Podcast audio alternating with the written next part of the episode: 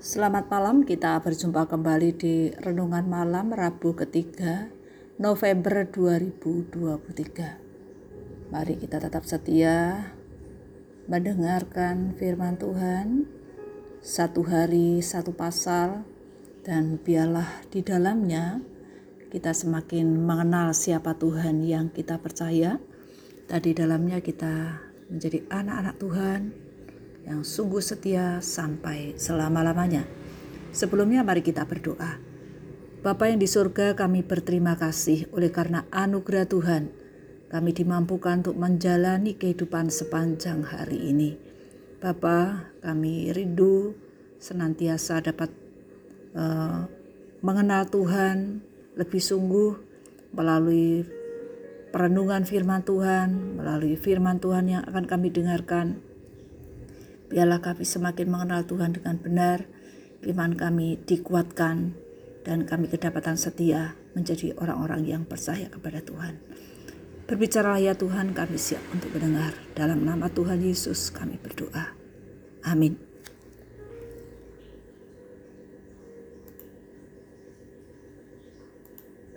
Injil Lukas, Lukas pasal 1 Theophilus yang mulia, banyak orang telah berusaha menyusun suatu berita tentang peristiwa-peristiwa yang telah terjadi di antara kita, seperti yang disampaikan kepada kita oleh mereka yang dari semula adalah saksi mata dan pelayan firman. Karena itu, setelah aku menyelidiki segala peristiwa itu dengan seksama dari asal mulanya, aku mengambil keputusan untuk membukukannya dengan teratur bagimu, supaya engkau dapat mengetahui bahwa segala sesuatu yang diajarkan kepadamu sungguh benar. Pada zaman Herodes, Raja Yudea, adalah seorang imam yang bernama Zakaria dari rombongan Abia. Istrinya juga berasal dari keturunan Harun, namanya Elizabeth. Keduanya adalah benar di hadapan Allah dan hidup menurut segala perintah dan ketetapan Tuhan dengan tidak bercacat. Tetapi mereka tidak mempunyai anak sebab Elizabeth mandul dan keduanya telah lanjut umurnya. Pada suatu kali, waktu tiba giliran rombongannya, Zakaria melakukan tugas keimaman di hadapan Tuhan. Sebab ketika diundi sebagaimana lazimnya untuk menentukan imam yang bertugas, dialah yang ditunjuk untuk masuk ke dalam bait suci dan membakar ukupan di situ. Sementara itu, seluruh umat berkumpul di luar dan sembahyang Waktu itu adalah waktu pembakaran ukupan. Maka tampaklah kepada Zakaria, seorang malaikat Tuhan, berdiri di sebelah kanan mesbah pembakaran ukupan. Melihat hal itu, ia terkejut dan menjadi takut. Tetapi malaikat itu berkata kepadanya, Jangan takut, hai Zakaria, sebab doamu telah dikabulkan, dan Elizabeth istri akan melahirkan seorang anak laki-laki bagimu. Dan haruslah engkau menamai dia Yohanes. Engkau akan bersuka cita dan bergembira. Bahkan banyak orang akan bersuka cita atas kelahirannya Sebab ia akan besar di hadapan Tuhan. Dan ia tidak akan minum anggur atau minuman keras dan ia akan penuh dengan roh mulai dari rahim. Ia akan membuat banyak orang Israel berbalik kepada Tuhan Allah mereka. Dan ia akan berjalan mendahului Tuhan dalam roh dan kuasa Elia.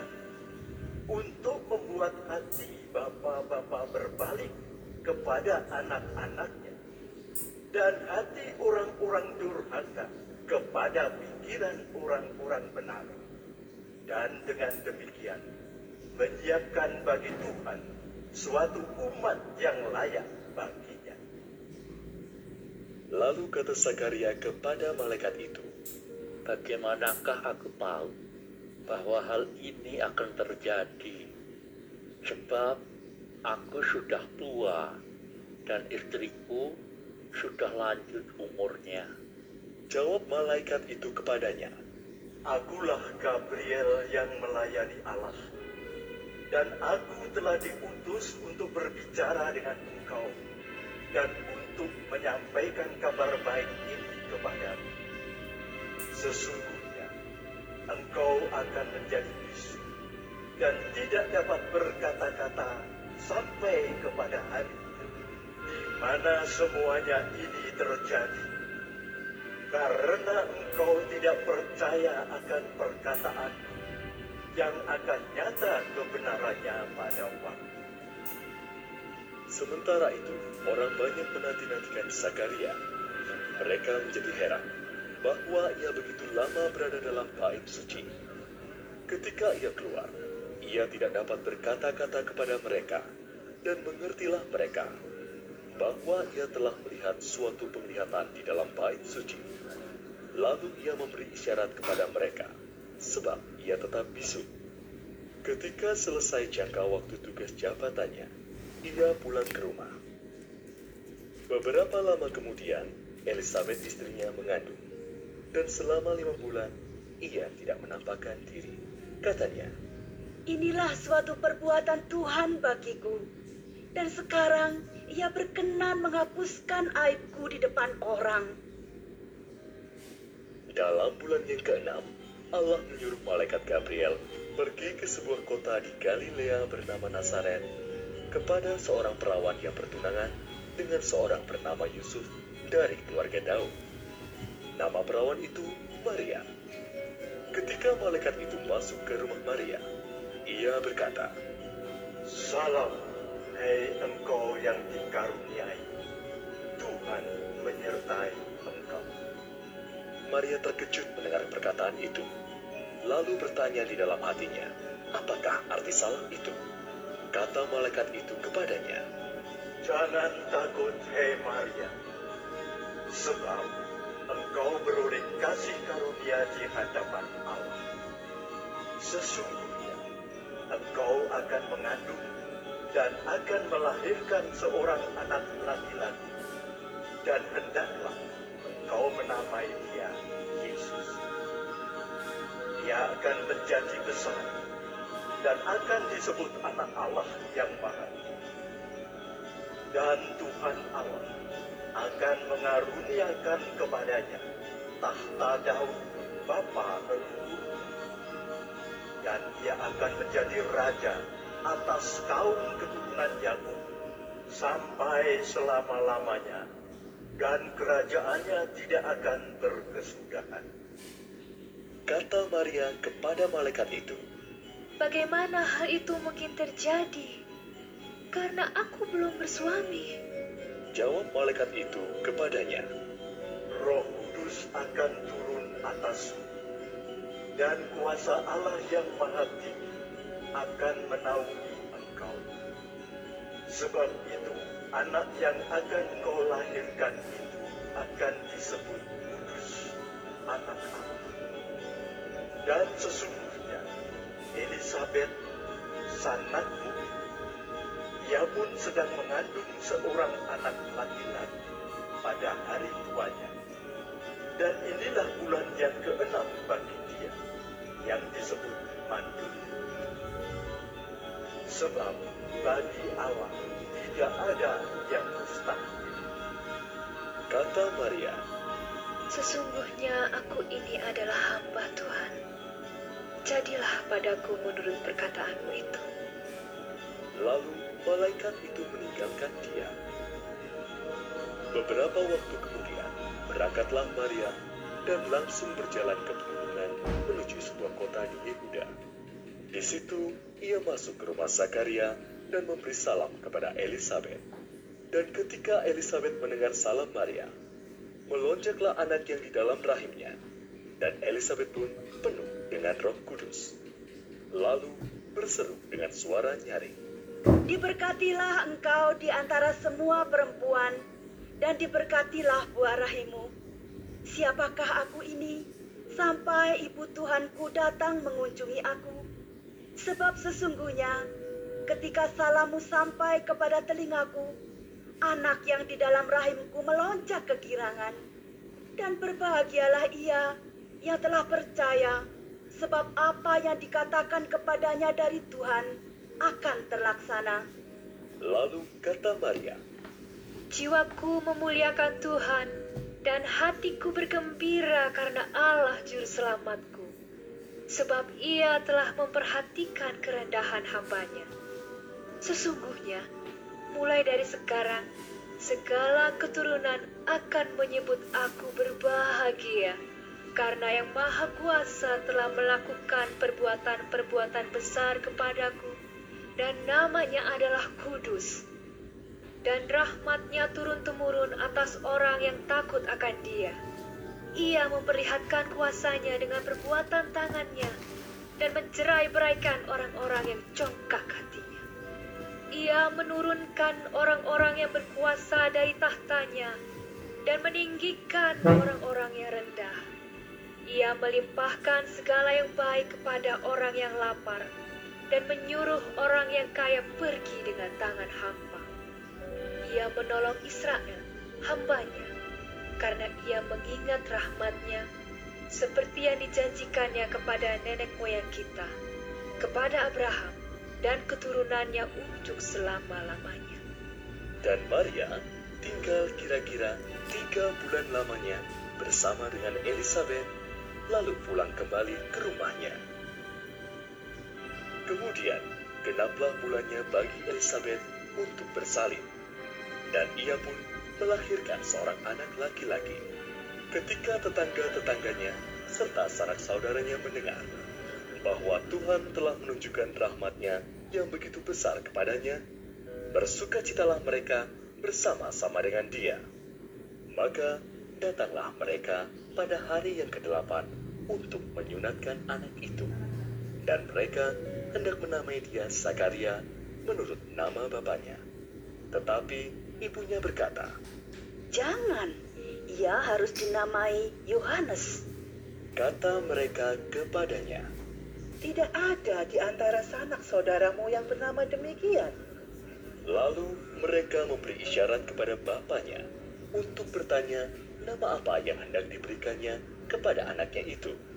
Ia meminta batu tulis, lalu menuliskan kata-kata ini. Namanya adalah Yohanes. Dan mereka pun heran semuanya.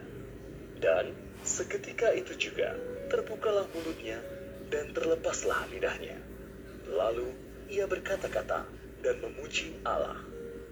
Maka ketakutanlah semua orang yang tinggal di sekitarnya. Dan segala peristiwa itu menjadi buah tutur di seluruh pegunungan Yudea. Dan semua orang yang mendengarnya merenungkannya dan berkata, Menjadi apakah anak ini nanti? sebab tangan Tuhan menyertai dia. Dan Zakaria ayahnya penuh dengan roh kudus, lalu bernubuat, katanya, Terpujilah Tuhan Allah Israel, sebab ia melawat umatnya dan membawa kelepasan baginya. Ia menumbuhkan sebuah tanduk keselamatan bagi kita di dalam keturunan Daud, hambanya itu. Seperti yang telah difirmankannya sejak purbakala oleh mulut nabi-nabinya yang kudus untuk melepaskan kita dari musuh-musuh kita dan dari tangan semua orang yang membenci kita untuk menunjukkan rahmatnya kepada nenek moyang kita dan mengingat akan perjanjiannya yang kudus yaitu sumpah yang diucapkannya kepada Abraham bapa leluhur kita bahwa ia mengaruniai kita supaya kita terlepas dari tangan musuh dapat beribadah kepadanya tanpa takut. Dalam kekudusan dan kebenaran di hadapannya seumur kita dan engkau hai anakku akan disebut nabi Allah yang maha tinggi karena engkau akan berjalan mendahului Tuhan untuk mempersiapkan jalan baginya, untuk memberikan kepada umatnya pengertian akan keselamatan yang berdasarkan pengampunan dosa-dosa mereka. Oleh rahmat dan belas kasihan dari Allah kita, dengan mana ia akan melawat kita, surya pagi dari tempat yang tinggi, untuk menyinari mereka yang diam dalam kegelapan dan dalam naungan maut, untuk mengarahkan kaki kita kepada jalan damai sejahtera. Adapun anak itu bertambah besar dan makin kuat rohnya. Dan ia tinggal di padang gurun sampai kepada hari ia harus menampakkan diri kepada Israel. Lukas menulis Injil supaya setiap orang mengetahui kepastian dari hal-hal yang telah diajarkan. Injil berisi kebenaran dari Allah, karena Injil telah diilhamkan oleh Allah. Injil bukan mitos, bukan pula sejarah yang menarik. Injil adalah kisah yang benar tentang Yesus Kristus dan pesan yang memanggil manusia kepada iman dan pertobatan. Hal ini seharusnya mempengaruhi cara hidup kita. Dalam Injil, kita mengetahui tentang kedatangan seorang yang agung, karena begitu agungnya sehingga seorang nabi harus mendahulunya dalam kuasa Roh Kudus. Pribadi ini adalah anak Allah yang akan memerintah kerajaannya untuk selama-lamanya. Dia juga adalah anak Daud yang menggenapi semua janji dari perjanjian Allah. Dia kudus, tidak berdosa, dan taat kepada Allah sejak dalam kandungan. Dia adalah cahaya kebenaran yang bersinar. Dia penuh dengan kelembutan, belas kasihan, dan pengampunan dosa kepada semua orang. Mari kita renungkan, bagaimanakah gambaran tentang Yesus menggerakkan kita untuk percaya kepadanya. Dalam Injil Lukas pasal 1 ini, salah satunya berisi nyanyian dan pujian dari Maria, Zakaria, dan Elizabeth. Yohanes melompat-lompat bersuka cita di dalam rahim ibunya. Kedatangan Yesus Kristus menggerakkan orang-orang yang percaya untuk bersuka cita dan memuji Allah. Ingatlah bahwa suka yang sukacita yang sejati itu berasal dari Tuhan. Kita telah menerima sukacita. Oleh sebab itu, biarlah sukacita di dalam Kristus itu memberikan pengaruh yang benar-benar menyatakan kasih dan kebaikan Tuhan sehingga sesama kita juga bersukacita. Mari kita berdoa. Kami mengucapkan syukur ya Tuhan.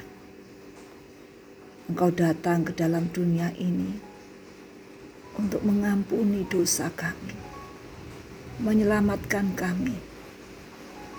Dengan demikian, maka kami bersuka cita sebagai orang-orang yang telah menerima sukacita di dalam Kristus. Mari Tuhan menolong kami agar kami juga dapat menyatakan sukacita itu dalam keseharian kami, sehingga sesama kami dapat merasakan kasih dan kebaikan Tuhan melalui kami. Dalam nama Tuhan Yesus kami berdoa. Amin. Bapak Ibu sekalian, selamat malam, selamat beristirahat. Tuhan Yesus memberkati. Amin.